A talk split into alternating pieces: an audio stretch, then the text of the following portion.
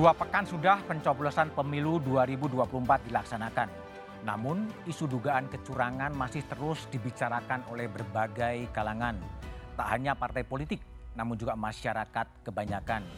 Usulan untuk menggunakan hak angket pun disuarakan. Adalah Ganjar Pranowo, capres dan kader PD Perjuangan yang pertama mengusulkan agar partai politik menggunakan hak angket guna menelisik berbagai dugaan kecurangan. Usulan ini disambut oleh Anies Baswedan dari Koalisi Perubahan. Namun Koalisi Perubahan akan jalan jika PDI Perjuangan mau menginisiasi dan berada di depan. Namun PDI Perjuangan terkesan gamang karena hingga saat ini belum ada sikap resmi dari partai politik pimpinan Megawati Soekarno Putri ini akankah hak angket ini juga jadi digelar di Senayan atau akan layu sebelum berkembang. Inilah satu meja forum maju mundur hak angket. Maju mundur hak angket itulah tema satu meja The Forum malam ini telah hadir di studio sejumlah narasumber dari ujung sebelah kanan Profesor Ikrar Nusa Bakti. Malam, Prof. Ada Masinton Pasaribu, politisi dari PDI Perjuangan. Malam, Mbak. Kemudian Romahur Musi, Ketua Majelis Pertimbangan P3. Assalamualaikum. Kemudian ada Hermawi Taslim, Sekjen Partai Nasdem. Bang Yandri Susanto, Wakil Ketua Umum PAN. Malam. Bang Yandri. Kemudian ada Aceh Hasan Sajili, Ketua DPP Partai Golkar. Assalamualaikum. Kemudian ada Ahmad Koirul Umam, pengamat politik. Dan juga Muhammad Kodari, juga pengamat politik. Eh, saya juga telah mengundang politisi dari Partai Keadilan Sejahtera dan PKB, tapi keduanya belum sempat untuk hadir pada malam hari ini. Saya ingin bertanya kepada Mas Hinton Pasaribu dulu. Ya, Bang. Angket ini maju mundur tetap atau gimana sebetulnya? Kalau saya, saya sebagai anggota DPR RI, saya sudah menyuarakan itu, Bang. Menyuarakan. Pasca eh, terjadi pelanggaran etik berat di Mahkamah Konstitusi. Jadi di akhir bulan Oktober lalu, jauh sebelum pencoblosan, saya sudah menyuarakan hak angket itu. Kenapa? Karena saya melihat, ya, eh, itu menjadi sebuah persoalan besar bagi tahapan-tahapan menuju pemilu. Saya sudah membaca itu karena ini ada pelanggaran etika berat yang di mana ya eh, kita lihat semua proses rangkaian eh, keputusan di MK itu yang kemudian itu merubah sebuah aturan ya untuk anak presiden di mana pamannya memutuskan itu. Puncak pers- puncak gunung es dari persoalan hari ini ya pangkalnya itu ya ada di putusan MK tadi. Bagaimana eh, apa kita melihat aturan itu mudah diterabas dan kemudian kita harus menerima dan kita lihat seluruh proses rangkaian hingga hari kepencoblosan itu penuh dengan masalah. Nah, maka sesungguhnya adalah angket ini bagian dari proses penyelidikan terhadap pelaksanaan undang-undang, terhadap kebijakan pemerintah dan yang berkaitan dengan hal-hal strategis dan dan berdampak terhadap uh, bangsa dan negara dan masyarakat luas. Nah, maka sebenarnya kalau kita melihat situasi hari ini, pangkal soalnya itu saya selalu menyatakan itu ketika di MK itu jadi- menjadi soal. Maka ketika eh, di akhir Oktober eh, itu bang, maka saya menyuarakan itu karena saya merasa ini akan menjadi masalah-masalah-masalah terus Hmm. sampai kemudian ke hari pemilihannya. Karena saya melihat proses rangkaian ini bang, bagian dari upaya politik pelanggangan kekuasaan tadi. Hmm. 2021 itu sudah didesain itu untuk tiga periode. Oke. Bahkan ada Pak Mr. Ki sebagai penggagas tiga periode itu. Kemudian 2022 itu penundaan pemilu. Bahkan beberapa partai politik sudah eh, mewacanakan penundaan pemilu, menyuarakan itu. Ada PAN, ada Golkar, eh, bahkan juga ada PKB. Nah kemudian desain eh, pelanggangan ini ya ingin menabrak-nabrak aturan apa tadi yang saya pandang ini bertentangan dengan substansi dari demokrasi di mana kita masih baru 25 tahun bang. Hmm. kita melaksanakan reformasi dan demokrasi ini kemudian dijungkir balik ikan kembali gitu loh. Nah, maka ketika 2023 di eh, didesainlah di MK tadi. Oke. Dan kemudian ya 2024 kita tahu hasilnya. Jadi saya melihat ini ada persoalan yang sangat mendasar, sangat fundamen dalam proses pelaksanaan demokrasi kita. Bahwa demokrasi ini bukan sekedar ajang angka-angka, ah, gitu loh Pak. Tapi dari proses eh, demokrasi pemilu ini juga dia kita harapkan dia mampu melahirkan kepemimpinan yang legitimate Oke. bisa diterima oleh seluruh masyarakat. Nah kalau hari ini kita melihat dia menyisakan berbagai persoalan yang pangkalnya, MK. pangkal persoalannya tadi adalah di MK di mana saya menyuarakan hak angket pada saat itu. Terlepas dengan berbagai uh, apa perdebatan pada saat itu layak enggak uh, institusi MK diangket apa segala macam. Lah tapi lepas dari itu saya melihat ada substansi fundamen yang mendasar tentang demokrasi kita yang ini akan uh, bermasalah ke depan. Oke, pokoknya kita angket lihat jalan lah ya. Ya harusnya Harus jalan, oke. sebagai jalan politik. Jalan Untuk politik. menemukan, Menemukan. keadilan dan demokrasi Baik, itu. baik. Bung Yandri, Pan gimana menanggapi Bung Masinton? Iya, kalau Bang Masinton biasa begitu kan. Biasa begitu. Yang nggak Iya, biasa Pak. apanya kemudian? Ya, Saya kira gini Mas Budiman, kan pemilu itu tahapannya semuanya ikut ya. Hmm. Semua partai ikut, kemudian masyarakat juga ikut terlibat dan alhamdulillah tanggal 14 Februari itu lancar. Lancar. Kalau kita mau lihat eh, proses itu memang sungguh luar biasa serangan kepada 02 itu. Hmm. Ya, baik dari 01 maupun 03. Kompak ya? Oh, kompak mereka nyerang kita kan. Bahkan kayak Anies itu nilai Pak, Pak, Pak Prabowo itu 11 dari 11. 100 ya Hmm. kan. Ganjar 5 dan Pak Prabowo bilang, "Ya udah kalau enggak suka kami jangan dipilih, biar rakyat yang menentukan." Hmm. Oke. Nah, sekarang rakyat kan sudah menentukan. Tanggal 14 Februari sangat sangat damai. Oke. Sangat adem, Hmm. ya kan? Dan eh, kalau juga survei salah satu lembaga survei eh, terkemuka baru-baru ini, masyarakat puas kok. Di Hmm. atas 84% puas dengan pemilu. Nah, oleh karena itu, kalaupun ada kecurangan, ya jangan juga kecurangan itu seolah-olah dituding kepada kami gitu loh. Hmm. Ya mungkin juga 01, 02 atau IPLN juga ada kecurangan kan. Nah maka kalaupun ada kecurangan, saya kira kanal-kanal demokrasi kita ini sudah ada. Hmm. Kalau dalam proses mereka ada pelanggaran, ada Bawaslu, ada Bawaslu. Kumdu, ya kan. Kalau nanti ada selisih persoalan hasil, MK. itu kan ada MK. Nah oleh karena itu kalaupun nanti pun masih perlu ada evaluasi, di DPR itu Mas Budiman ada komisi-komisi. Hmm. Kalau misalnya masalah KPU Bawaslu ada komisi 2. Kalau dengan Kemendagri masalah pejabat eh, daerah ada eh, komisi 2 juga. Kalau masalah TNI tidak netral ada komisi 1. Kalau polisi tidak netral ada komisi 3. Dan itu bisa apa namanya? Tapi bisa ya, dilakukan dengan secara maraton dan secara seksama. Dan semua perwakilan eh, fraksi ada di situ. Nah, masalahnya kalau angket, nah ini masalah angket kan. Ya. Kalau menurut saya secara rasional tidak mungkin. Tidak mungkin. Tidak mungkin karena dari sisi waktu teknis sekarang DPR belum masuk. Baru akan masuk tanggal 5 Maret. 5 Maret ya seminggu eh, awal masuk itu menyusun agenda. Eh, nggak tahu apakah betul-betul mereka ini mengusulkan hak angket kan minimal 25 orang dari fraksi yang berbeda. Kemudian akan diajukan ke Badan Musyawarah eh, Pimpinan. Di situ juga mungkin akan ada perdebatan. Kalau disetujui mungkin akan dibawa ke paripurna. Paripurna- juga kita belum tahu petanya. Hmm. Nah berdebat di situ mungkin sudah hampir satu bulan lebih. Udah presiden baru. Akhir ya? April Mas Budiman akan reses lagi. Reses lagi. Reses lagi. Ya Ah. kan baru sampai ke eh, akhir eh, Juli. Juli sampai Agustus reses, reses lagi. Ah. Jadi dua kali reses. Ah. Nah dari sisi waktu itu nggak mungkin karena angket ini pengalaman beberapa kali angket di DPR minimal waktu itu satu tahun lebih. Satu tahun memakan waktu.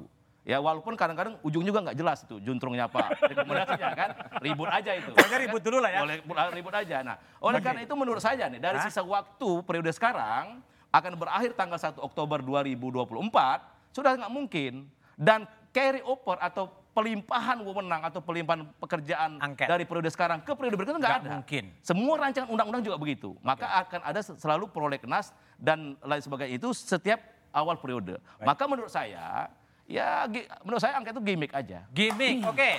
Romi, gimmick dan nggak mungkin dari sisi momentum. Anda masih setia di jalur angket atau udah mau pindah? Politik kan memang gimmick. Jadi kita ini coba untuk mengurai persoalan yang muncul di pemilu kemarin. Hmm. Yang selalu saya sebut menjadikan pemilu Indonesia 2024 itu sebagai pemilu paling brutal. Brutal? Paling brutal. Eh, dan saya kira ini disepakati oleh hampir semua caleg, terutama yang nggak kepilih lagi. Kenapa? Karena Calegnya nggak kepilih lagi ya? Iya, terutama yang nggak kepilih lagi. Saya tadi misalnya dapat laporan di Riau 1 misalnya, lima orang incumbent tumbang. Nah, Lima loh dari enam. Ya. Kemudian di Jambi misalnya, Nah. empat dari tujuh tumbang. Jadi banyak yang tumbang, padahal mereka itu anggota DPR yang aspiratif, kembali ke daerahnya. Hmm. Tetapi kemudian dibansoskan atau dipolitisasi eh, bansoskan pada pemilu 2024 kemarin, menjadikan harga suara itu inflasi, Mas Budiman. Jadi yang tadinya nggak ngasih, Ya. ya lewat. Yang Ya. ngasihnya sedikit, ya sama lewatnya begitu.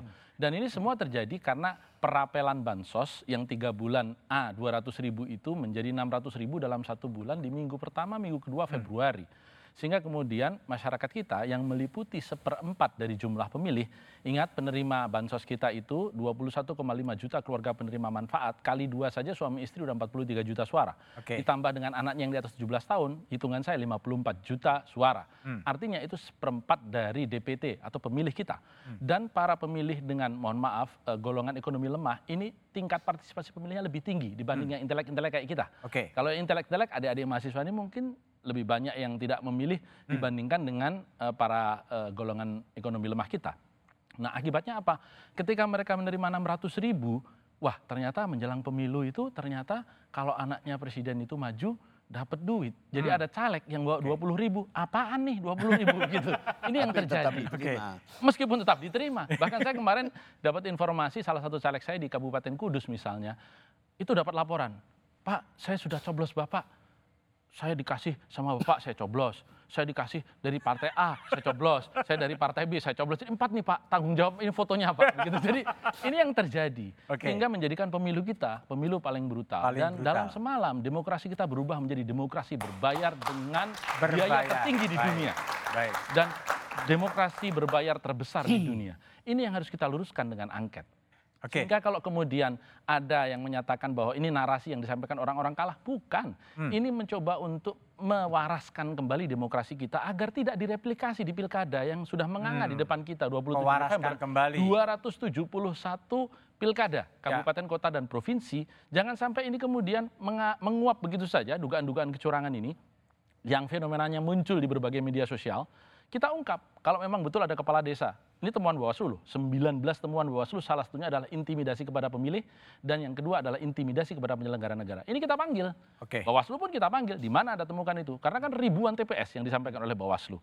Apakah itu mengubah hasil pemilu? Nanti. Yang penting kecurangan ini harus kita ungkap. Kecurangan dulu ini ya. bukan soal kuantitas, tetapi soal kualitas. Kualitas dan kita pemilu. wajib menjaga kualitas demokrasi kita Oke. sampai kapan pun selama kita memilih Baik, demokrasi ini. Kang Aceh, upaya angket ini adalah mewaraskan ya sebenarnya agar tidak diduplikasi ke pilkada atau ke pileg-pileg berikutnya. Gimana? Iya, kalau sikap kami jelas bahwa kami menolak terhadap eh, angket tersebut. Karena apa? Karena menang. Ya, karena kita Ya, alhamdulillah menang. percaya kepada mekanisme yang berlaku di dalam Ya. eh, undang-undang yang telah diatur di da- ki- kita bersama di DPR. Hmm. Eh, Undang-undang pemilu itu kan dibuat oleh DPR. Hmm.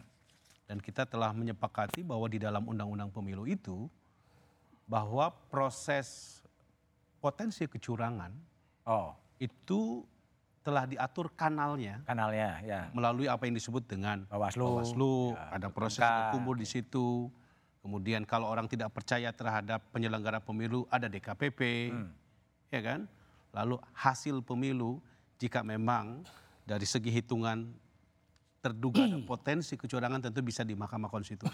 Hmm. Itu yang selama ini kita sudah empat kali dan ini yang kelima kali kita melaksanakan pemilu presiden secara langsung. Jadi secara politik maupun secara kelembagaan, aturan-aturan itu sesungguhnya telah kita sepakati bersama. Tinggal apakah kita percaya tidak terhadap aturan yang kita buat sendiri. Hmm.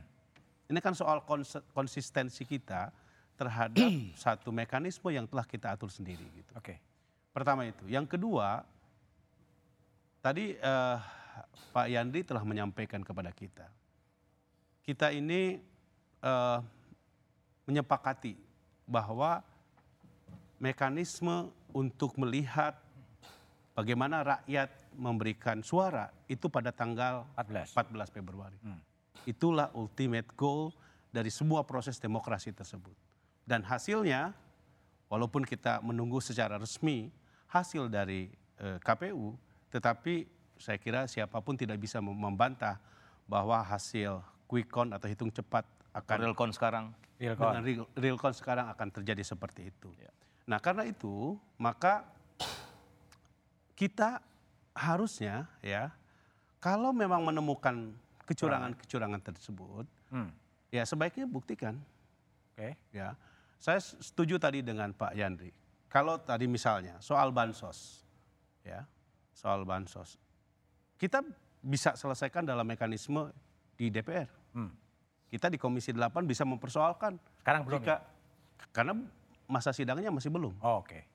Kalau masa sidangnya memang sudah dimungkinkan untuk dilakukan pendalaman Dipolos. apakah betul atau tidak itu dipolitisasi karena terus terang saja kaitannya dengan bansos itu kan ada di Komisi 8 misalnya. Ya. Yang kedua, saya ingin mengupdate terhadap misalnya hari ini ada dua lembaga survei. Kemarin sebelumnya ada satu lembaga, sekarang satu lembaga survei yang menyatakan dalam evaluasi terhadap eh, pelaksanaan pemilu. Mayoritas rakyat puas. Kalau kita percaya terhadap pendekatan saintifik ya, Hmm. ya, mayoritas rakyat puas terhadap pelaksanaan pemilu yang berlangsung secara damai, termasuk dievaluasi soal bansos. Hmm. Ini saya sebutkan datanya misalnya. Lembaga, eh, mohon maaf saya harus sebut. Misalnya lembaga survei Indonesia mengatakan bahwa dari eh, penduduk Indonesia, responden, itu 74 persen tidak menerima bansos, yang menerima bansos sebanyak 24 persen. Dari 24 persen yang menerima bansos, itu pun juga terdistribusi kepada pemilih 01 sebanyak 7,6 17,6 persen, ya pemilih 02 69,3 persen dan pemilih 03 sebanyak 13,1 persen. Secara elektoral sesungguhnya itu kurang lebih proporsional. Artinya apa?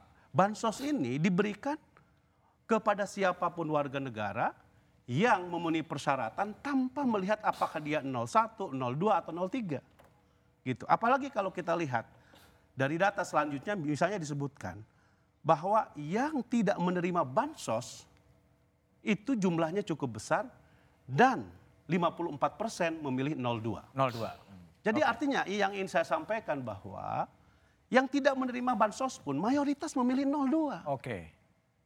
Artinya kalau kita mau berpikir rasional dengan data objektif semacam ini, ya, saya ingin menegaskan kepada kita semua bahwa ya coba kita berpikir jernih, Berpikir jernih. ya, untuk bisa menyelesaikan eh, berbagai persoalan yang dihadapi. Masyarakat saya kira ingin move on, Mau guyup lah sekarang. ya. Oke.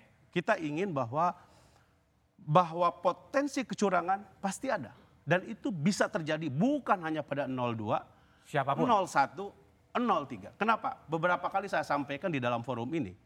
Sekarang ini yang namanya kekuasaan itu tidak hanya terpusat pada pemerintahan pusat. Hmm. Tapi kekuasaan itu juga bisa terdesentralisasi pada kepala-kepala daerah yang bukan hanya kekuasaannya dimiliki oleh 02.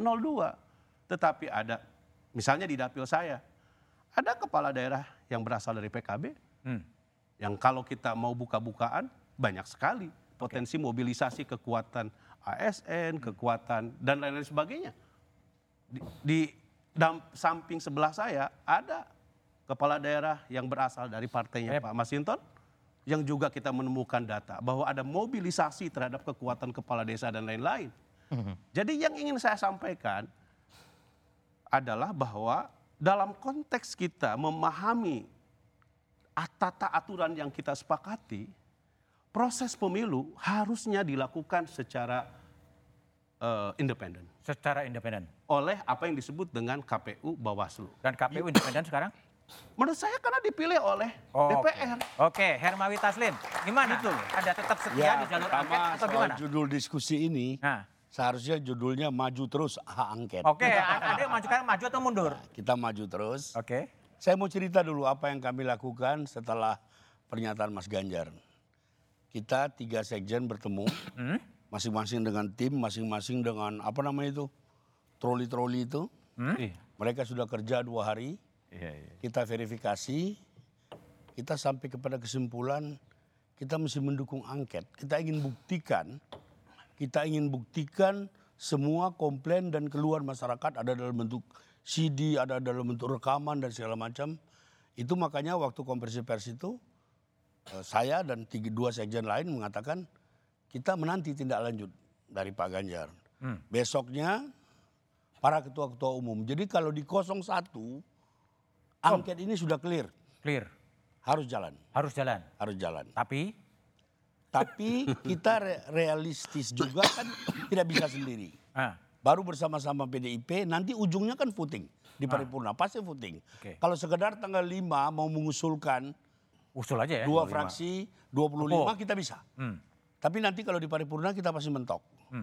Oleh karena itu hari ini juga ada kelanjutannya ketika pleno pertama KPU seluruh komisioner KPU dipanggil di DKPP. DKPP. Sidang agendanya apa? Pelanggaran DPT. Hmm. Jadi pemilu bukan hanya pada hari H seperti yang dikatakan Pak Aceh tadi. pelanggaran DPT itu pelanggaran DPT itu banyak sekali laporan-laporan yang juga kita terima. Jadi yang ingin saya katakan adalah kalau memang tidak terjadi apa-apa soal waktu Pak Pak Yandri nanti kita bisa atur. Kan biasa juga anggota DPR kan nginap di di hotel malam-malam segala macam. Biar saja biar saja angket ini berlangsung, Hmm. kita uji. Kami cuma ingin membuktikan bahwa pemilu kali ini adalah pemilu yang terburuk dalam sejarah. Terburuk. Oke. Nah, kalau ya. tidak di- dibiarkan saja. Biarkan terus. Memang jadi pertanyaan apakah hak angket ini akan bisa berjalan atau tidak atau ada upaya menggembosi atau menegosiasikan? Jawabannya setelah jeda berikut ini.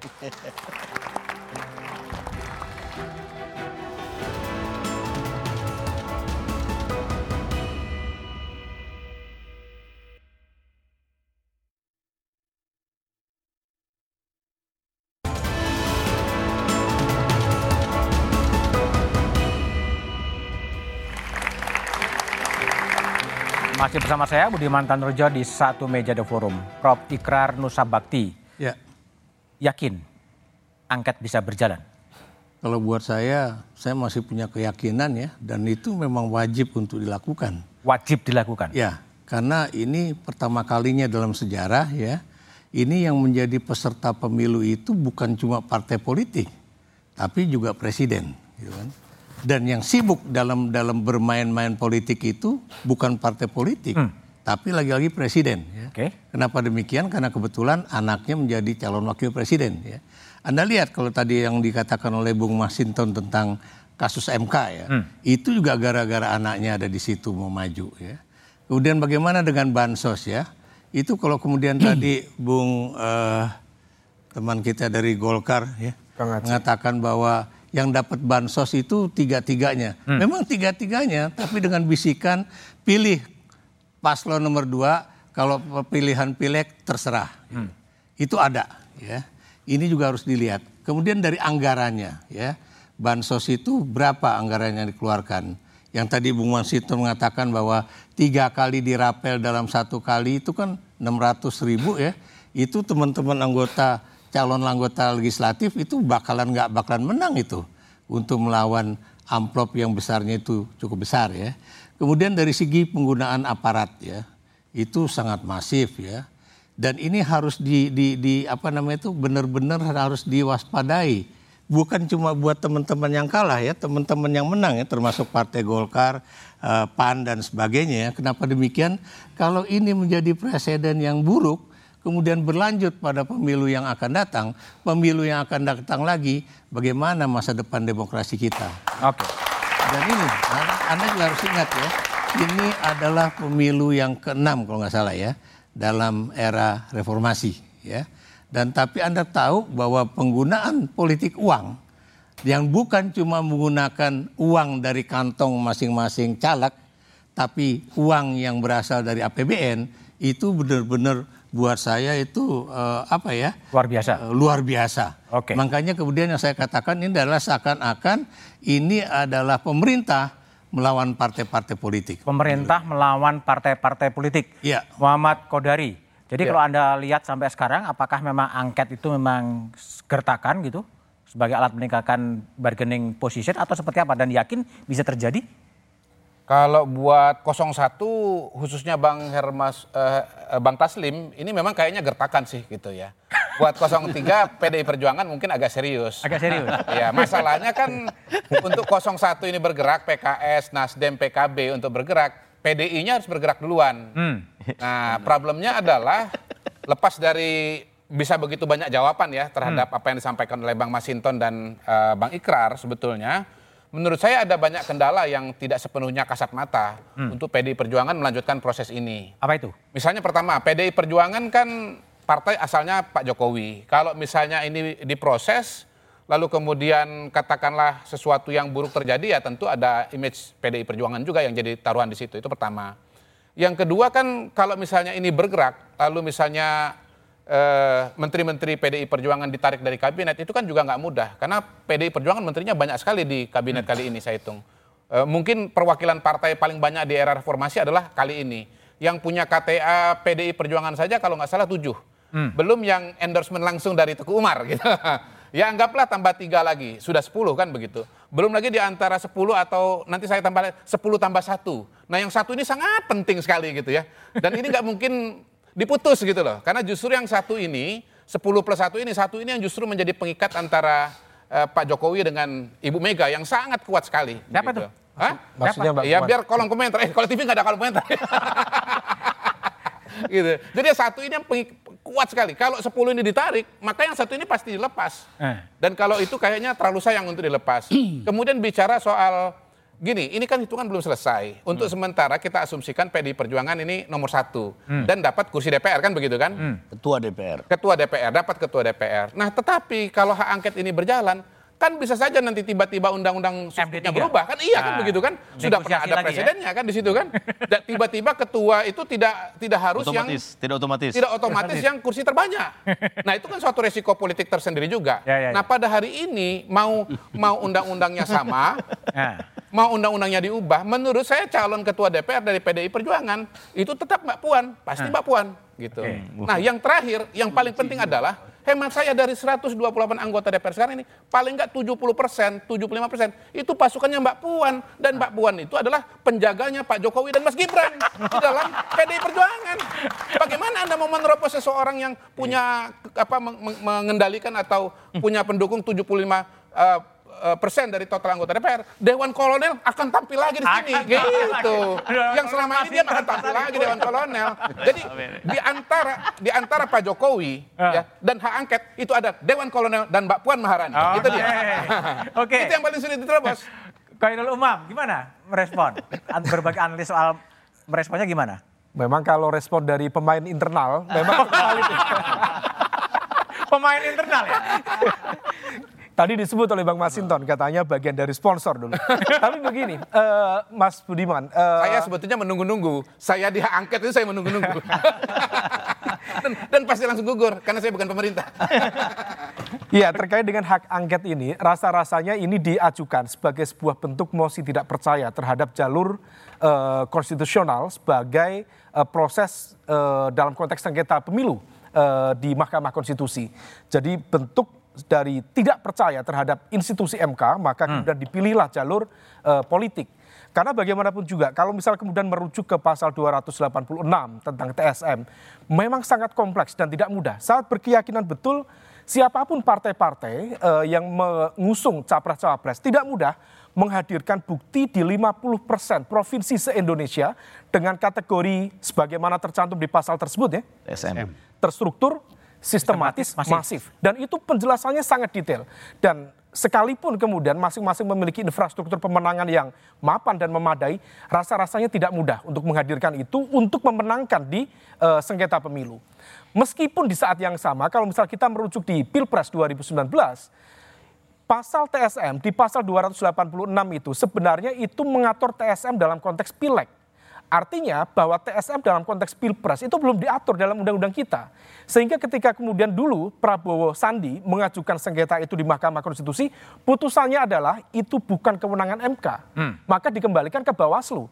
Tampaknya teman-teman itu sudah eh, paham kalau ini dilanjutkan di eh, MK, satu tentu dari produk yang harus kemudian diajukan bukti-bukti validnya tidak mudah dikumpulkan. Di saat yang sama rasa-rasanya akan mentok juga. Maka dipilihlah eh, hak angket tadi. Angket. Nah, hak angket tadi kita perlu telaah lebih dalam, Mas. Tentu pertama ini berpotensi menjadi sebuah alat politik yang cukup mematikan untuk mengkre- eh, mendelegitimasi kredibilitas dari pemerintahan Pak Jokowi. Karena kalau misal eh, kita buat skema ya, gabungan dari partai-partai di eh, kubu 01 dan juga kubu 03 itu jumlahnya praktis ada di sekitar 314. Dan 314 itu berbanding misalnya dari partai-partai yang di koalisi 02 itu di 261. Gapnya cukup signifikan. Meskipun di saat yang sama, apakah betul itu bisa mematikan atau tidak bergantung pada soliditas. Nah, fakta politik per hari ini termasuk ya ketidakhadiran dari PKB dan PKS Ah. di forum yang mulia ini rasa-rasanya juga menjadi sebuah sinyal bagi eh, ketidaksolidan dari Ketidaksolidan atau bagian digembosi? Itu bagian dari sebuah skema eh, dari eh, masing-masing eh, kekuatan.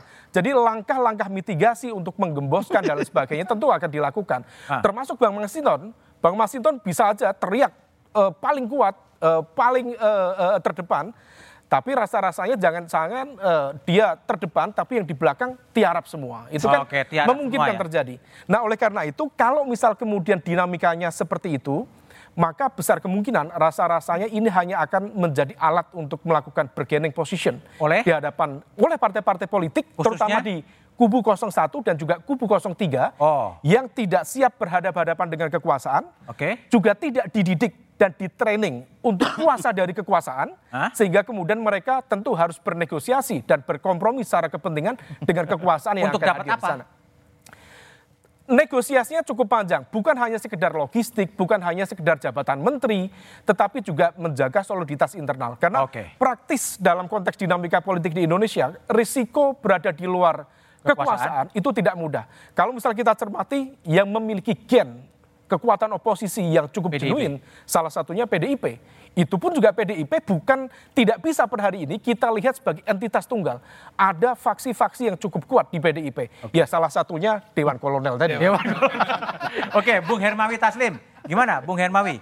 Ini kan ah, angket muncul tapi kemudian ada pertemuan Bang Surya dengan Presiden Jokowi gitu. Ini apa sih? Apakah bagian dari persiapan, persiapan untuk apa gitu? Ya, jadi eh, pertemuan Pak Surya dengan Jokowi itu tuh bagian dari rasa hormat kita terhadap undangan kepala negara. Itu murni memang presiden yang mengundang. Jadi tidak benar yang dikatakan oleh apa eh, Istana. Istana. istana. Itu kita ditanya waktu itu saya bilang. Tanya apa? "Eh, Ini bagaimana? Ah. Ada undangan seperti kita lagi lagi di satu tempat. Saya bilang ini kepala negara dan kepala pemerintahan. Apa pun yang ingin dibicarakan silakan. Nah, seperti biasa itu lebih banyak eh, ya banyak basa-basi relasi antara Pak Surya dan Pak Masa basa-basi sih? Pak Jokowi kan Pak Jokowi kan eh, sudah lama ya. Bahasa Bahkan- basinya apa Hermawi? Bahkan sempat Pak Surya mengatakan relasi saya dengan Pak Jokowi sudah sampai ke titik nadir. Pernah kan satu kesempatan. Kemudian kembali lagi. Jadi memang eh, hubungan mereka itu secara personal eh, istimewa. Saya mengatakan basa-basi karena bicara tentang Indonesia 2045 yang yang yang kita semua bicarakan setiap hari. Bicara tentang generasi unggul dan seterusnya. Tidak ada Pak Surya itu kalau sekembali dari Pak Jokowi pasti cerita sama kita. Pasti cerita kepada beberapa orang pasti cerita. Nggak nawarin itu ya? Jadi Tawaran belum ada, Pak Prabowo belum gitu ya? begitu. Lagian yang, yang jadi presiden kan bukan Pak bukan Pak Jokowi. Ah, ya kan nggak apa-apa lah. Kalau kalau kalau quick count-nya benar gitu loh. ya kan? Nah, jadi yang ingin saya katakan eh, sebenarnya banyak tafsir tentang angket ini. Kalau begitu mengapa nggak dibiarkan saja sama-sama kita belajar. Dibiarkan. Belajar, belajar berkonstitusi. Bukan jadi alat tawar memberi, gitu ya? Memberi pelajaran kepada anak-anak muda.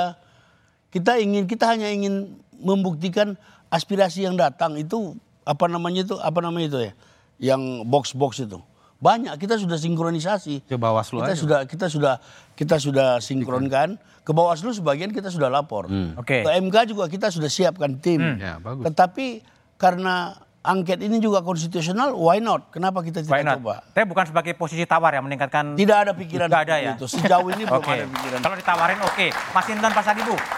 Ini koalisi perubahan tuh nunggu sebetulnya dari uh, pasangan 02 Ya. Agak ragu ya ada Dewan Kolonel gitu, gimana? 03 Nggak gitu. ada, nggak, nggak, Nggak ada?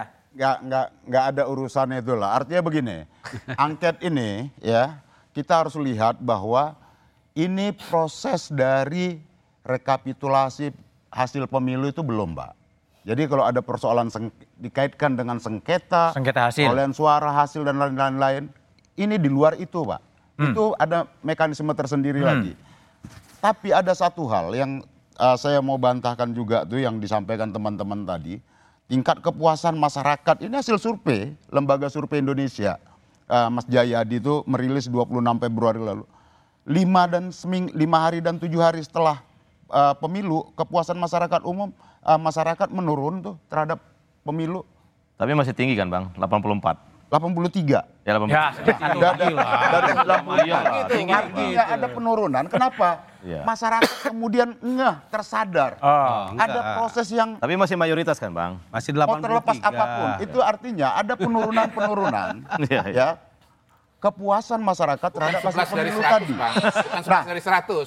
Lap- 83 artinya dari 100. artinya bahwa ya kenapa kemudian hari ini juga uh, elemen masyarakat sipil akademisi mahasiswa bergerak ya artinya apa melalui angket inilah sebagai jalan politik dan konstitusional yang bisa kita tempuh untuk membenarkan seluruh proses demokrasi yang sudah kita tempuh 25 tahun ini. Ini nggak bisa, Pak. Saya, Bos, mengalami betul situasi hari ini ya yang kita pasti rasakan sama-sama. Yang harusnya nggak boleh, Pak.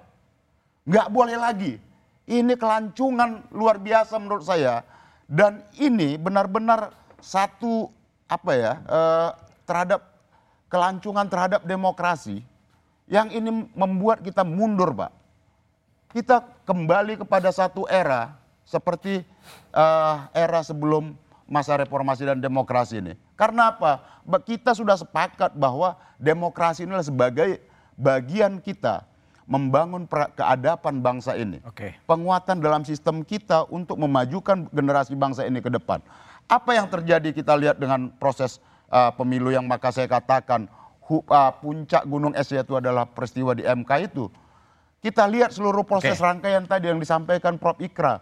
Bagaimana APBN disimpangkan, dirapel apa segala macam. Bagaimana pelibatan eh, aparatur sipil Ya. negara yang seharusnya netral. Oke. Ternyata ikut cawe-cawe dalam proses politik ini. Apa pun, demokrasi ini bukan sekedar angka menang kalah. Baik. Nah, kit- melalui proses angket inilah sebenarnya kita ingin menggali dan meluruskan kembali jalan demokrasi kita. Meluruskan jalan Kita demokrasi. bisa biarkan Oke, ini. baik. Gitu loh. Ya, jadi pertanyaan adalah maju mundur hak angket itu dan ada sikap diam ini memang menimbulkan keraguan dari publik apakah hak angket itu bisa terwujud. Kita bahas setelah jeda berikut ini.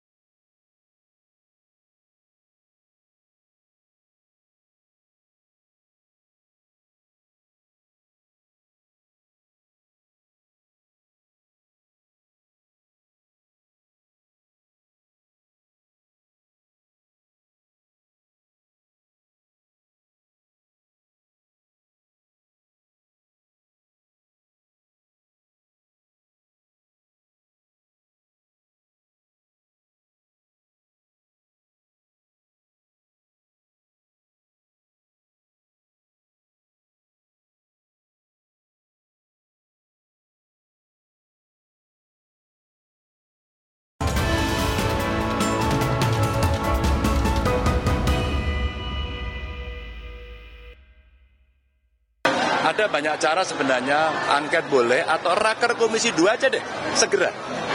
Ketika melihat situasi seperti ini DPR segera raker aja deh. Bung Yandri, angket boleh, raker komisi 2 boleh. Apa yang Anda baca dari statement calon Presiden Ganjar Pranowo itu? Ya karena Mas Ganjar ini kan teman saya di Komisi 2 dua periode. Atau dibisikin ya? Enggak. Beliau itu kan pimpinan komisi waktu itu. Jadi tahu betul tentang konstitusi kita. Gitu. Ah. Dan di raker komisi itu sebenarnya Mas Budiman, kita bisa juga kok memperdalam apa pun yang menurut kita tidak benar. gitu. Dan kesimpulan rapat dan undang-undang NB3 itu, kesimpulan raker itu sifatnya mengikat. Baik ke DPR maupun ke pemerintah atau kepada pihak misalnya KPU atau Bawaslu. Jadi menurut saya, ya apa yang dikatakan Mas Ganjar itu betul. Ya angket menurut saya tidak tepat sekali lagi. Dan PAN akan- pasti akan menolak itu. Karena dari sisi teknis berat, dari sisi waktu nggak cukup, dan tidak relevan. Kalau tadi misalnya mau evaluasi, silakan evaluasi. Di masing-masing komisi di DPR itu sudah lengkap semua. Dan semua praksi ada. Payung hukumnya lengkap. Kemudian kalau misalkan tadi masalah kecurangan, menurut saya Mas eh, Budiman, ini memang nggak bisa ditarik ke angket dalam hal hasil ya. Ya. Karena estafet kepemimpinan sudah diatur tanggal dan waktu yang tepat. Karena PLT presiden itu nggak ada. Hmm. Tanggal 20 Oktober harus dilantik presiden. Maka menurut saya kalaupun teman-teman di 01, 03 mau mengevaluasi silakan. Kami juga akan mengevaluasi kok. Ya, tapi cukup melalui raker atau mungkin menteri apa dalam panja. Boleh saja. Tapi angket menurut saya nggak nggak pas. Kenapa? Tadi saya sudah jelaskan. Dari sisa waktu periode ini Nggak sudah nggak mungkin. Terus buat apa buang-buang waktu, buang-buang Oke. anggaran gitu loh, ya kan? Nggak mungkin karena angket itu eh, panjang dan berliku. Butuh waktu yang banyak, butuh juga anggaran. Hmm. Daripada kita buang anggaran, yang enggak-enggak ya bu- mendingan buat rakyat. Dan jangan sampai juga begini, Mas Budiman. Janganlah kita membangun narasi di pemilu ini seolah-olah suara rakyat itu sangat rendah. Misalnya gara-gara bansos mereka milih, jangan begitulah. Ya kan? Tadi kata teman saya Pak Aceh ini, banyak kok orang nggak mi- nggak milih itu bukan karena bansos. Jadi jangan merendahkan rakyat lah, gara-gara bansos mereka enggak rakyat. gitu loh. Baik. Dan bansos itu memang sudah lama. Dan Pak Juki itu hobinya membagi bansos dari wali kota Solo kok. Dari gubernur DKI. Sampai sekarang memang, eh, kalau masalah rapel, juga waktu El Nino juga dirapel kok. Saya kan Komisi 8, pernah ketua Komisi 8. Pak Aceh pimpinan Komisi 8 juga. Biasa kalau dirapel itu biasa. Biasa. Biasa. Dan itu untuk rakyat. Dan tidak ada satupun rakyat yang menolak dan mendemo bansos. Semua menerima, bagus.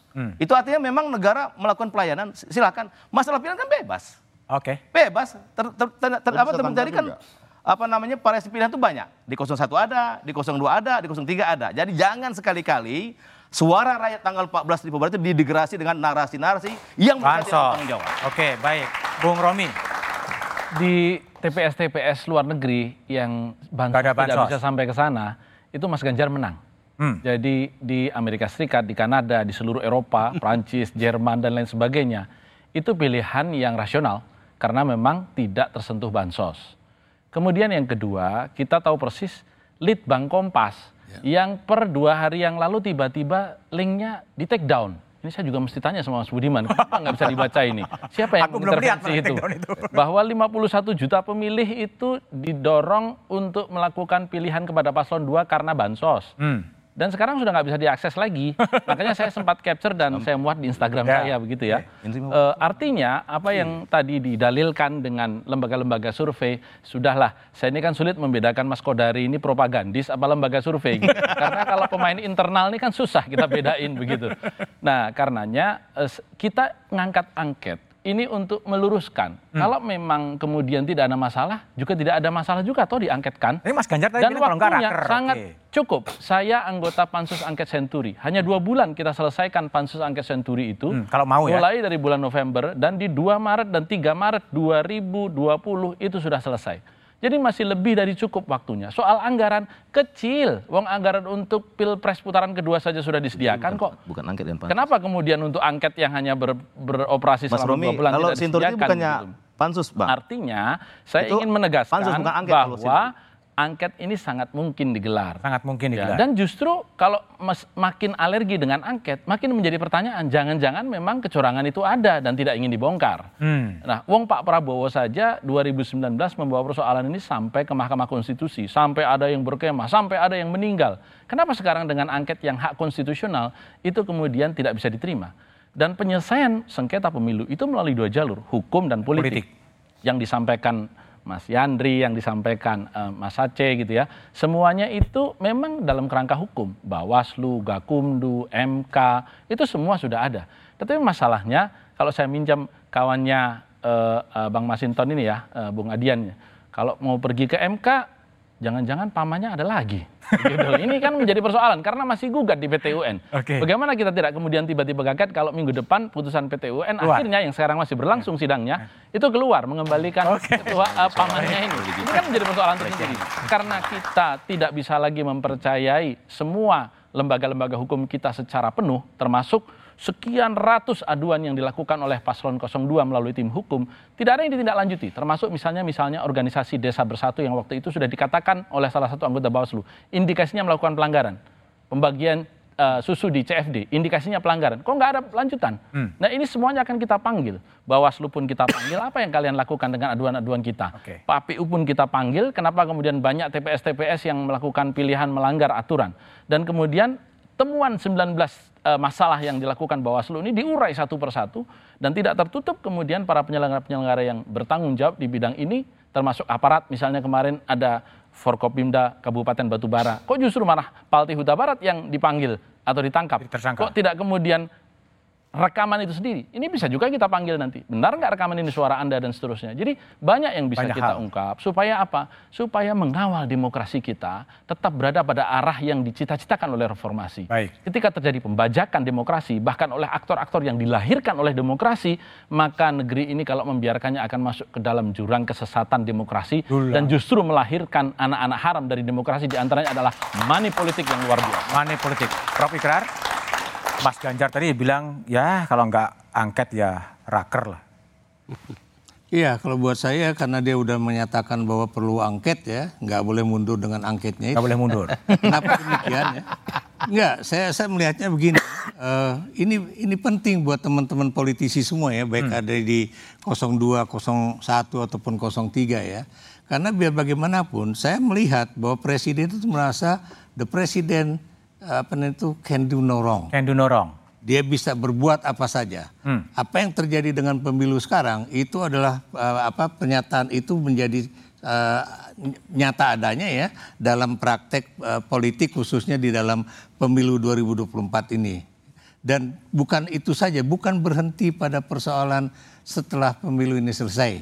Sekarang pun presiden masih ingin tetap cawe-cawe kayak seakan-akan dia akan menentukan siapa yang akan duduk di kabinet dengan seakan-akan dia menjadi jembatan. Buat saya itu itu urusan Pak Prabowo kalau memang dia nanti terpilih menjadi presiden ya. Bahkan dia udah menyediakan anggaran untuk nanti siang. program makan siang. Ah. Padahal itu kan program 2025 yang presidennya bukan lagi Jokowi. Ah. Kenapa kemudian Jokowi masih tetap berupaya menekan-nekan Menteri Keuangan untuk kemudian menyediakan anggaran yang Pak Bu, Bu Sri Mulyani udah mengatakan kalau ini terjadi ini benar-benar defisit anggaran pada 2025 ini akan begitu tinggi dan ini berarti nambah hutang lagi. Itu itu hal-hal semacam ini yang juga cukup penting untuk dilihat ya dan ada hal yang lain juga ya. Misalnya apa yang terjadi hari ini lah ya.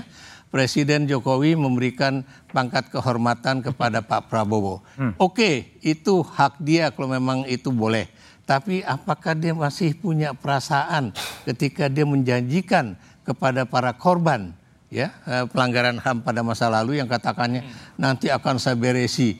Apa yang terjadi bukan diberesi, malah yang dianggap pelanggar HAM itu malah diberikan pangkat kehormatan menjadi jenderal penuh.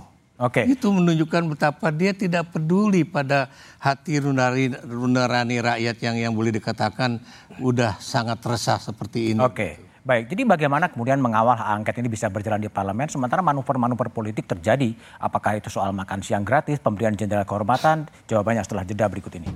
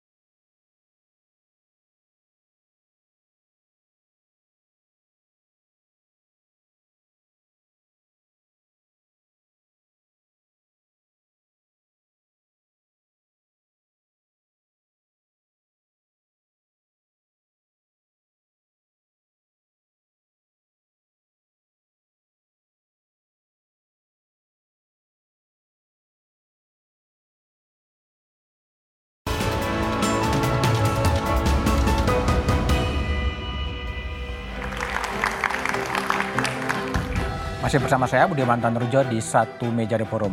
Aceh Hasan Sasili dari Partai Golkar. Strategi Partai Golkar untuk membendung hak angket.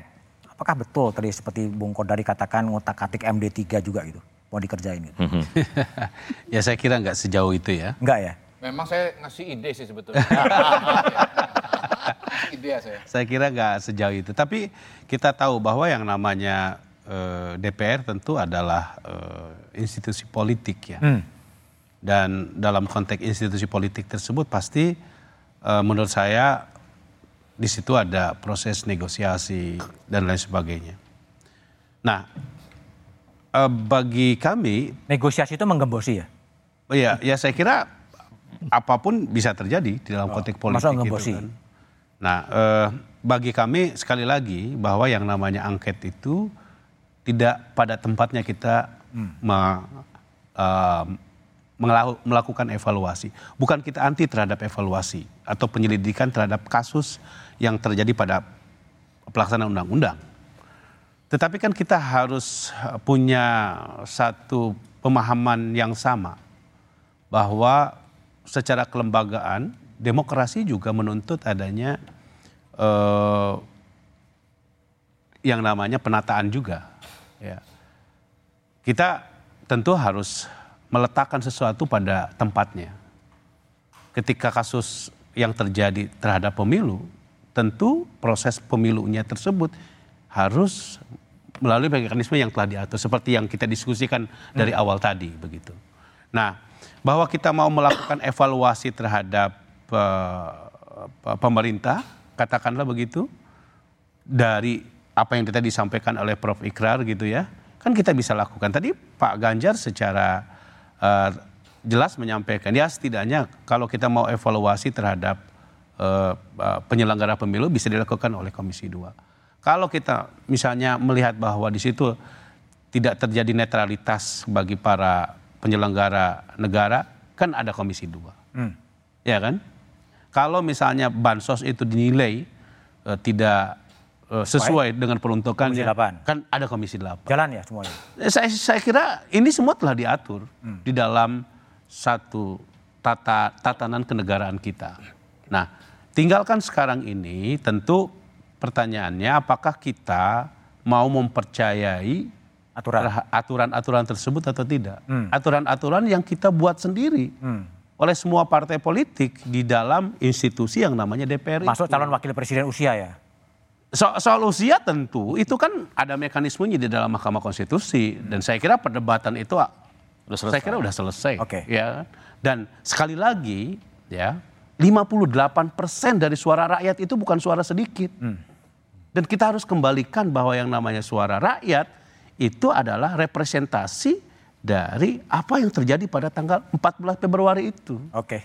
gitu loh. Jadi saya kira kita harus berangkat bahwa demokrasi kalau kita menyepakati bahwa di situ kedaulatan rakyat, Hargai. ya, pengejawantahannya itu ada pada saat 14 Februari itu. Oke, baik. Sebentar, kemudian Koko tadi Taslim dulu. Gimana merespon? Udahlah di raker Komisi 2, Ya, raker Komisi jadi 8. eh, kan Pak Ganjar bilang kalau tidak diangket di raker. Sekarang kita memilih angket. Kalau Oke. memang nggak ada apa-apa, Or ya itu ya? kalau Pak Yandri mengatakan nggak ada apa-apa, Pak Aceh nggak mengatakan apa-apa, kita mulai saja dengan angket ini. Tadi Romi udah jelaskan kan, ternyata waktu tidak menjadi kendala. Dan anggota DPR itu kan biasa juga rapat sampai malam. Jadi maksud saya, kita buat jadi sederhana saja. Ini kan ada permintaan dari sejumlah masyarakat, ada bukti-bukti yang mereka kirim, kita sudah pilih. Ini yang kita mau uji. Ini yang kita mau uji di lembaga perwakilan rakyat. Dan angket ini kan hak konstitusi, produk undang-undang juga di mana bapak-bapak yang menciptakan. Jadi apa yang salah dengan itu? Kalau kita ingin coba, kenapa tidak gitu loh? Justru kita ingin membuat kanalisasi. Daripada tiap hari orang demo di jalan tidak produktif, ini kita buat kita buat seperti ini, menurut saya lebih terhormat dan Lebih terhormat ya, civilized ya. Tapi gini, Mas Oke, Budiman. baik. Kau dari sedikit, gimana? bisa sedikit. bentar, dulu. Saya- saya- Sebetulnya diskusi Anda berdua itu nggak relevan karena penentunya di PDI Perjuangan. Loh, iya dong. Iya kan seberapapun inginnya Nasdem kan sudah mengatakan tergantung PDI Perjuangan, gitu. Jadi ya makanya mohon maaf nggak relevan. Saya mencoba menjawab beberapa ya. Pertama Mas Romi ya. Kita kan belum keluar nih hasil resmi dari, dari KPU. Jadi boleh juga saya mengatakan rasa-rasanya yang menang di luar negeri itu bervariasi. Dan saya khawatir Mas Romi itu justru mengutip hoax yang beredar beberapa hari sebelum coblosan loh. Waktu itu ada hoax yang beredar di di mana-mana sebelum coblosan. Itu satu ya. Tapi Pas- jangan dibantah kan hasil tidak. hasil resmi kan belum keluar kan? Belum rekap, belum rekap. Iya, belum rekap. Jadi Baru mulai hari ini, jangan- baru mulai hari ini, Iya, baru belum mulai. belum Baru belum, mulai. belum, ada. ya, luar negeri ya. Jadi Anda nggak bisa mengatakan saya salah ya. Tidak, saya mengutip ya. dari saksi kami. Belum ada Iya. pemenangnya belum, Bang? Ya, saya Karena belum saya juga mengatakan bervariasi. belum dihitung, belum dihitung, baru Saksi mulai saya hari mengatakan Oke, oke, bervariasi. silakan. Oke, yang berikutnya lagi adalah saya mau nambahin dari Kang Aceh kalau nggak salah soal dampak bansos. Tadi mengutip LSI Jayadi. lembaga survei, Saya kutip iya. indikator. yang terima dalam surveinya, dalam exit poll-nya indikator tuh 45 persen terima Bansos? dana perlindungan sosial. Saya pakai nama resminya Iya. dana perlindungan sosial itu 45 persen, tidak 52 persen. Nah, yang milih 02 bagi yang menerima itu 59 persen dan yang tidak menerima 56 persen. Jadi terima nggak terima itu Iya. semua pilih. Apa? Bebas, bebas. 02 gitu. Nah, saya mau pakai jurus Rocky Gerung. Dia selalu pakai ilustrasi. saya punya teman, Mas. Habis operasi ya. Ini tenggorokannya itu udah kayak tumor gitu. Dan operasinya dua kali. Tapi dia bencinya setengah mati kepada 02 dan tidak milih 02, milihnya 01. Jadi orang yang sudah diselamatkan eh, karena ka- apa nyawanya karena BPJS dari pemerintah tetap nggak milih 02 dan tetap tidak mendukung Pak Jokowi. Nah, kemudian yang berikutnya lagi, ini kan ada mitos mengenai bansos. Seolah-olah 496 triliun itu semua buat menggerakkan suara 02. Lalu dibandingkan dengan oh ini dananya hampir sama dengan zaman Covid. Kita harus bongkar isinya seperti apa. Ini saya wa- walaupun bukan anggota DPR ya, Oh, bongkar bongkar APBN ya. iya. Jadi memang 2024 itu Mas Eh. Budiman 496,8 triliun. 2020 zaman Covid ada 495 triliun. Mirip. Tetapi sesungguhnya porsi terbesar dari kenaikan itu bukan bantuan sosial yang berupa pangan apa dari din- dinas sosial bukan Kementerian Sosial, tapi justru dari energi dari 108 triliun ke 185 triliun. 80 triliun sendiri, Mas. Subsidi BBM. BBM. Dan semua subsidi ini mohon maaf Mas Romi, tiap hari Dipakai. kita aja nggak ngerasa. Iya, iya. Sepanjang tahun, bansos itu sepanjang tahun. Dana perlindungan sosial itu sepanjang dalam segala bentuknya kan. Ya, ya. Ya, ya. Tambahin lagi, subsidi listrik Hmm. 2020 87 triliun, sekarang 96 triliun. Hmm. Kemudian untuk pendidi- pendidikan ya, pendidikan PP. 2020 18 triliun, sekarang PP, 27 triliun. Hmm. Lalu Kementerian Sosial, mungkin ini posnya. Iya, iya. Ah. Itu tahun 2020 103. Sekarang malah 78 triliun, malah turun bos. turun. 78 Malah turun. memang. Kenapa kenapa naik? Karena ada Covid kan? Covid. Iya. Nah, saya bandingkan dengan 2019. Kementerian Sosial tadinya 53, Oke. jadi 103. Poin saya adalah ini ini sebuah mitos luar biasa. Mitos. Ini bansos. Begitu di breakdown isinya kebanyakan untuk sektor energi. Oke. Iya, jadi Ja- mohon maaf ya, ini membesar-besarkan hal yang kecil. ya, bu- bukan kecil ya maksudnya. Membesar-besarkan sesuatu yang kenyataannya tidak seperti itu. Kita nggak boleh angka besar, kita harus lihat detail. Baik, Umam. Jadi kalau lihat sekarang sampai sekarang maju mundur angketnya memang ragu-ragu, digembosi atau nunggu tawaran atau gimana? Iya. Kalau tadi merujuk ke statement awal dari Pak Hermawi ya, kalau misal memang betul ini konteksnya maju terus hak angket, maka eh, kita masuk dalam konteks Undang-Undang MD3. Itu kan dari fase awal, itu kan cukup mudah sebenarnya. Hak angket diusulkan oleh 25, 25, anggota DPR eh, terdiri fraksi. atas bukan fraksi. hanya satu fraksi. Hmm. Kalau misal memang betul kubu 01 memang betul-betul firm untuk melakukan itu, tidak perlu menunggu dari PDIP. PDIP. Oh. Cukup kemudian lakukan itu, manuver itu dengan baik, nanti kemudian di paripurna Hmm. kita akan melihat. Kita akan melihat mana yang memang memiliki political will yang serius untuk melakukan hak angket, mana yang Oke. tidak. Di situ akan terbuka. Karena Mas Budiman, kita itu di eh, jaringan masyarakat sipil sering kali kena prank.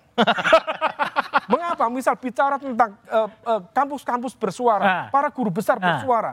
Ada yang kemudian mengkapitalisasi, luar biasa Wah. kampus-kampus Hilang bersuara. terus. Tapi itu kemudian hanya terlokalisir di gerakan ekstra parlementer. Ah. Faktanya di dalam intraparlementer tidak terjadi pergerakan apa-apa. Nah makanya kemudian kalau misal kemudian ini betul-betul maju terus hak angket, lakukan saja, daftarkan saja. Sekaligus kita juga ingin membaca Pak. Itu dokumen terkait dengan materi eh, kebijakan, termasuk juga eh, konteks implementasi undang-undangnya akan disidik, akan diinvestigasi itu Harus seperti ada apa. Kemudian siapa eh, target Targetnya. atau aktor yang di Harus ini? ada itu. Presiden, KPU, DKPP, atau Bawaslu. Kemudian dalam konteks apa? Nah kalau misal konteksnya memang cukup kuat, kredibel, tentu menjadi hal yang cukup legitimate, terutama bagi kalangan masyarakat sipil supaya nggak kena prank lagi. Nah, oleh karena itu ini menjadi wake up call sebenarnya bagi eh, semuanya, eh, Mas Budiman, eh, untuk mempertanyakan kembali ini political will-nya siapa, seperti apa. Jangan sampai sikap diam atau mendiamkan ini sebenarnya hanya menjadi bagian dari nunggu di lobi. Nunggu di lobi. Oke ya. Jadi jangan sampai kemudian masyarakat sipil kena prank lagi dan Umam mengatakan tunggu di lobi. Apakah benar demikian? Kita jawab setelah jeda berikut ini.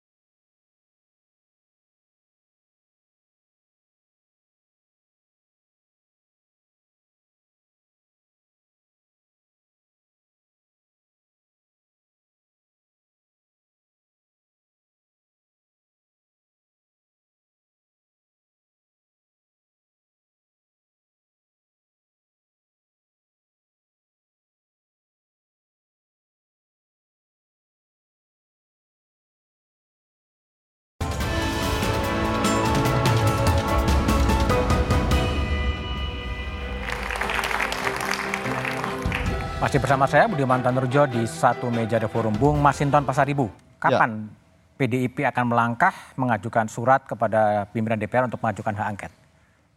Ya tentu nanti tanggal 5 DPR akan masuk.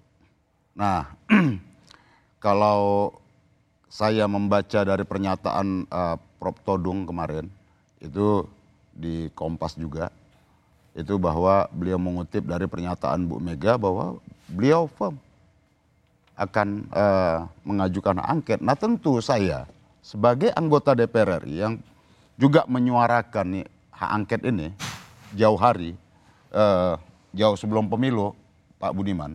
Nah tentu ini politik kita harus mencari esensi yang hakiki, kebenaran yang hakiki dalam konteks demokrasi ini, Pak.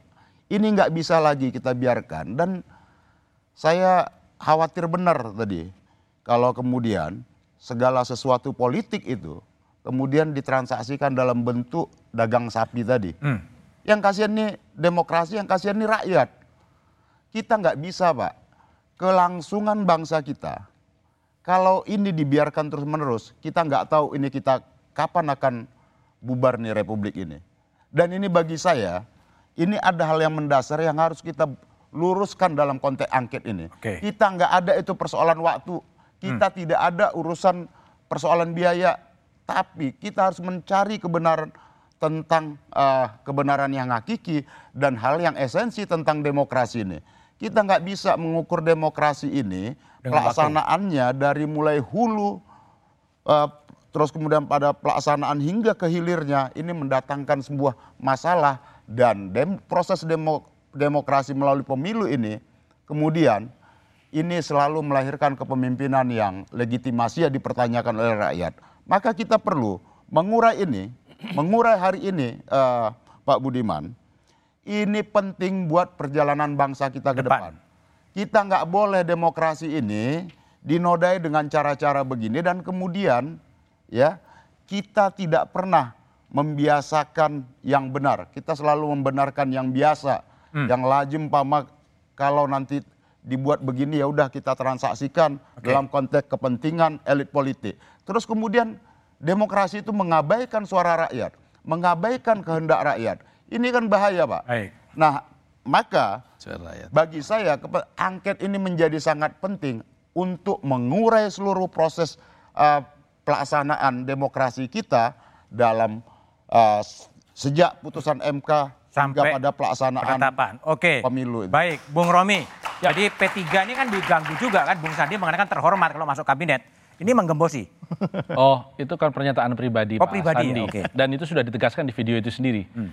Tetapi yang ingin saya sampaikan, hari Sabtu lalu para ketua-ketua umum Paslon 03 ini berkumpul dan melaksanakan rapat dipimpin langsung oleh Ibu Megawati dan hasilnya adalah ketika saya mendapat informasi langsung dari ketum kami kemarin, bahwa partai-partai paslon 03 solid untuk melanjutkan hak angket ini hmm. eh, sampai pada tanggal 5 Maret nanti sidang eh, DPR dimulai. Oke. Okay. Jadi tidak ada maju mundur, maju hmm. terus. Maju terus. Dan yang kedua, kita tahu persis angket ini kan pada dasarnya penyelidikan. Hmm.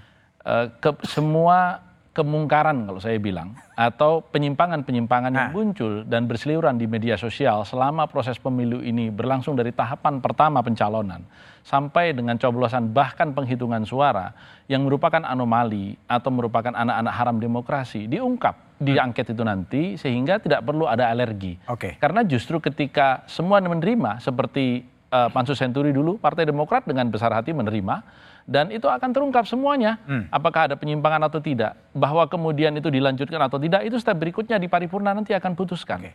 Kemudian yang ketiga, yang saya katakan meluruskan apa yang disampaikan Mas Kodari, betul bahwa yang bilang 490 triliun itu semuanya dipakai untuk pemenangan siapa? Memang betul, dari dulu juga selalu bahwa yang namanya social safety net itu ada subsidi energi, ada subsidi okay. non energi dan lain sebagainya. Okay. Tetapi bahwa politisasi itu dilakukan, ya.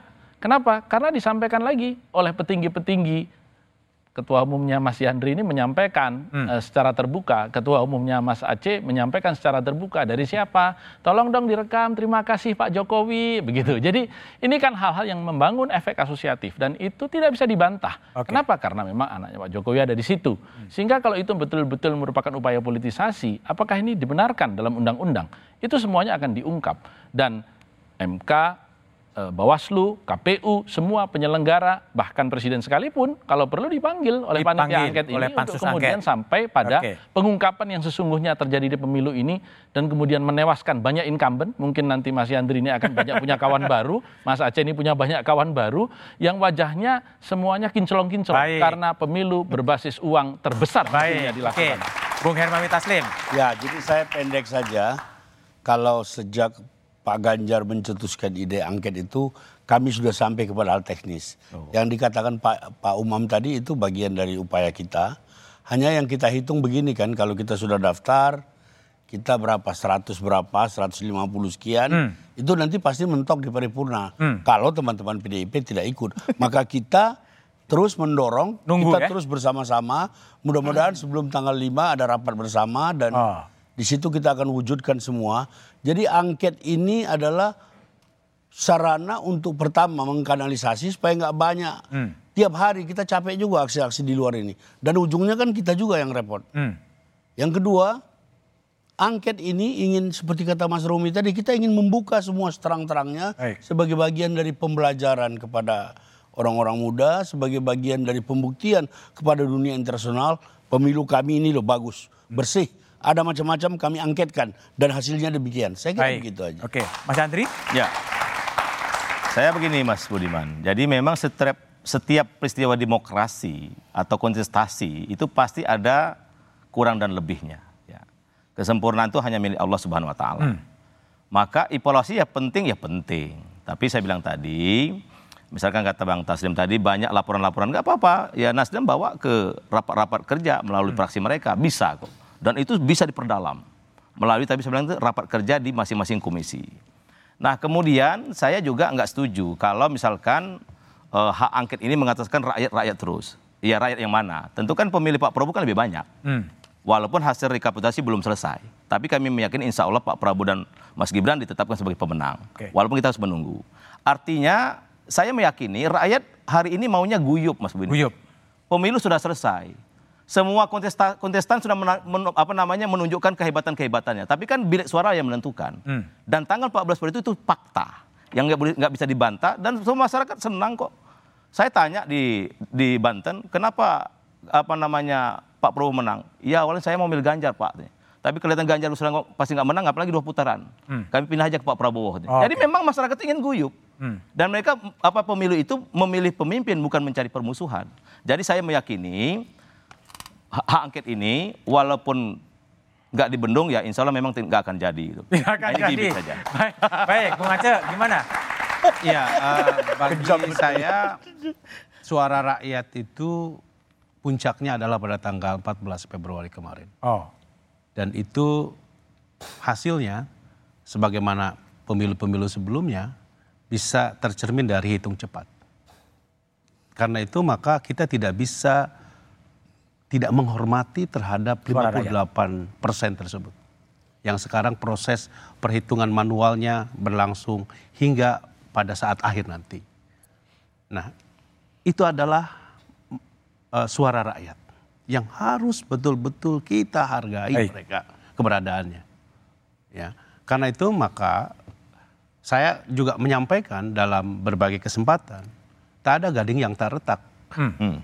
Ya, semua potensi terhadap berbagai kontestasi pemilu itu itu bukan hanya terjadi pada pilpres tapi juga terjadi pada pileg. Hmm. Tadi yang disampaikan oleh Pak Romi. eh, Mas Romi menunjukkan bahwa ini bukan hanya pilpres tapi pileg juga. oke. Tetapi kan kita sudah menyepakati bersama. Hmm. Kita sudah punya pengalaman di dalam pemilu dan pilpres langsung maupun pemilu legislatif selama lima kali.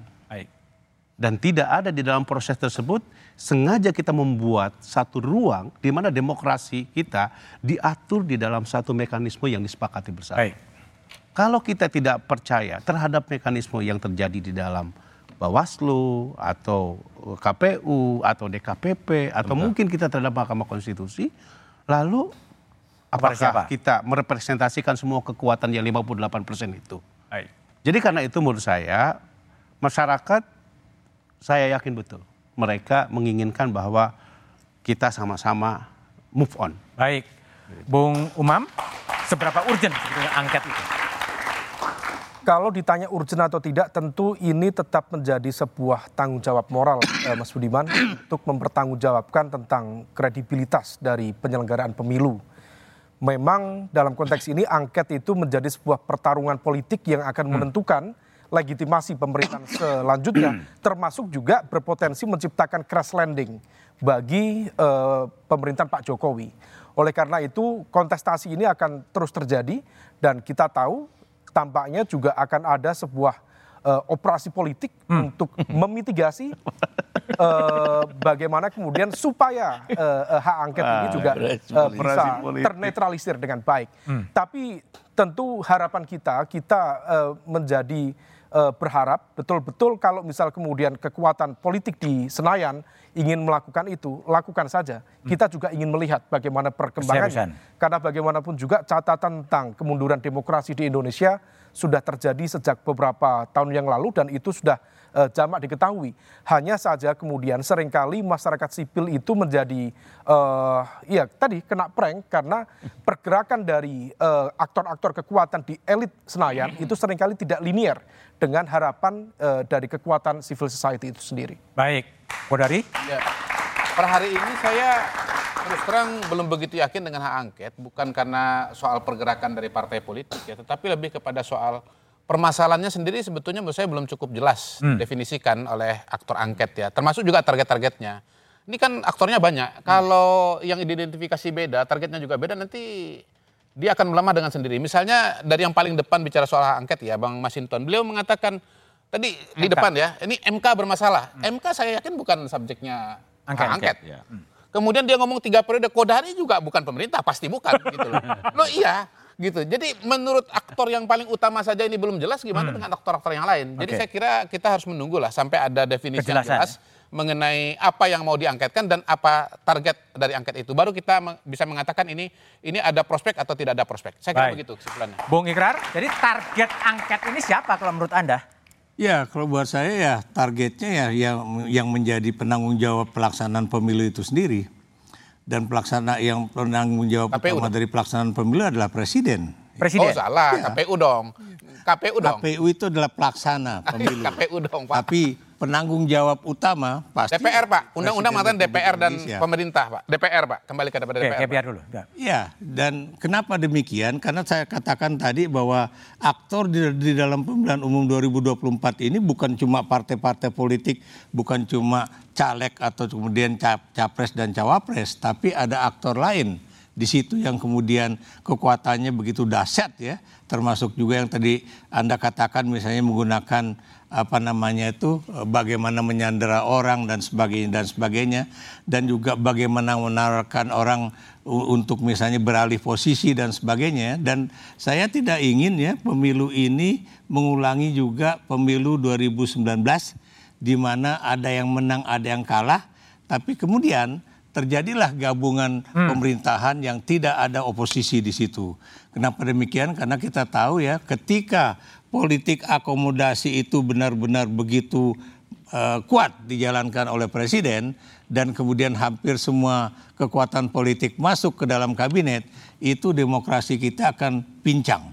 Kenapa pincang? Karena tidak akan yang ada orang yang akan menjadi cek eh, apa mengecek apa yang dilakukan oleh presiden. Tidak ada orang yang juga yang menjadi eh, pengim- pengimbang dari kekuatan presiden ya.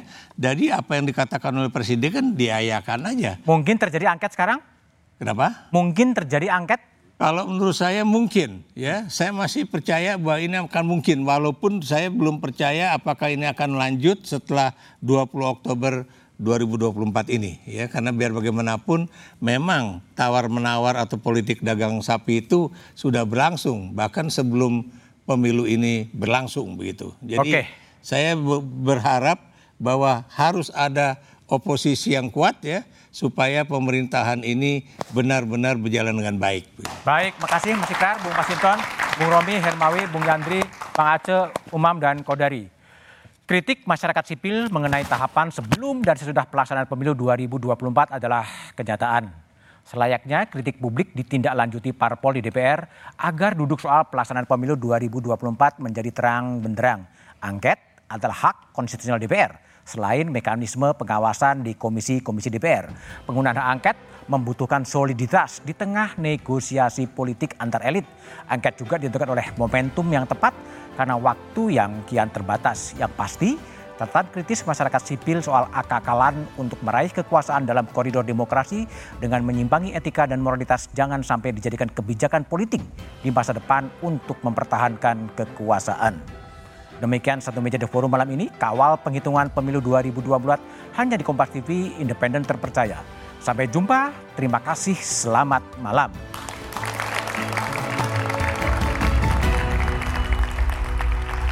Moni.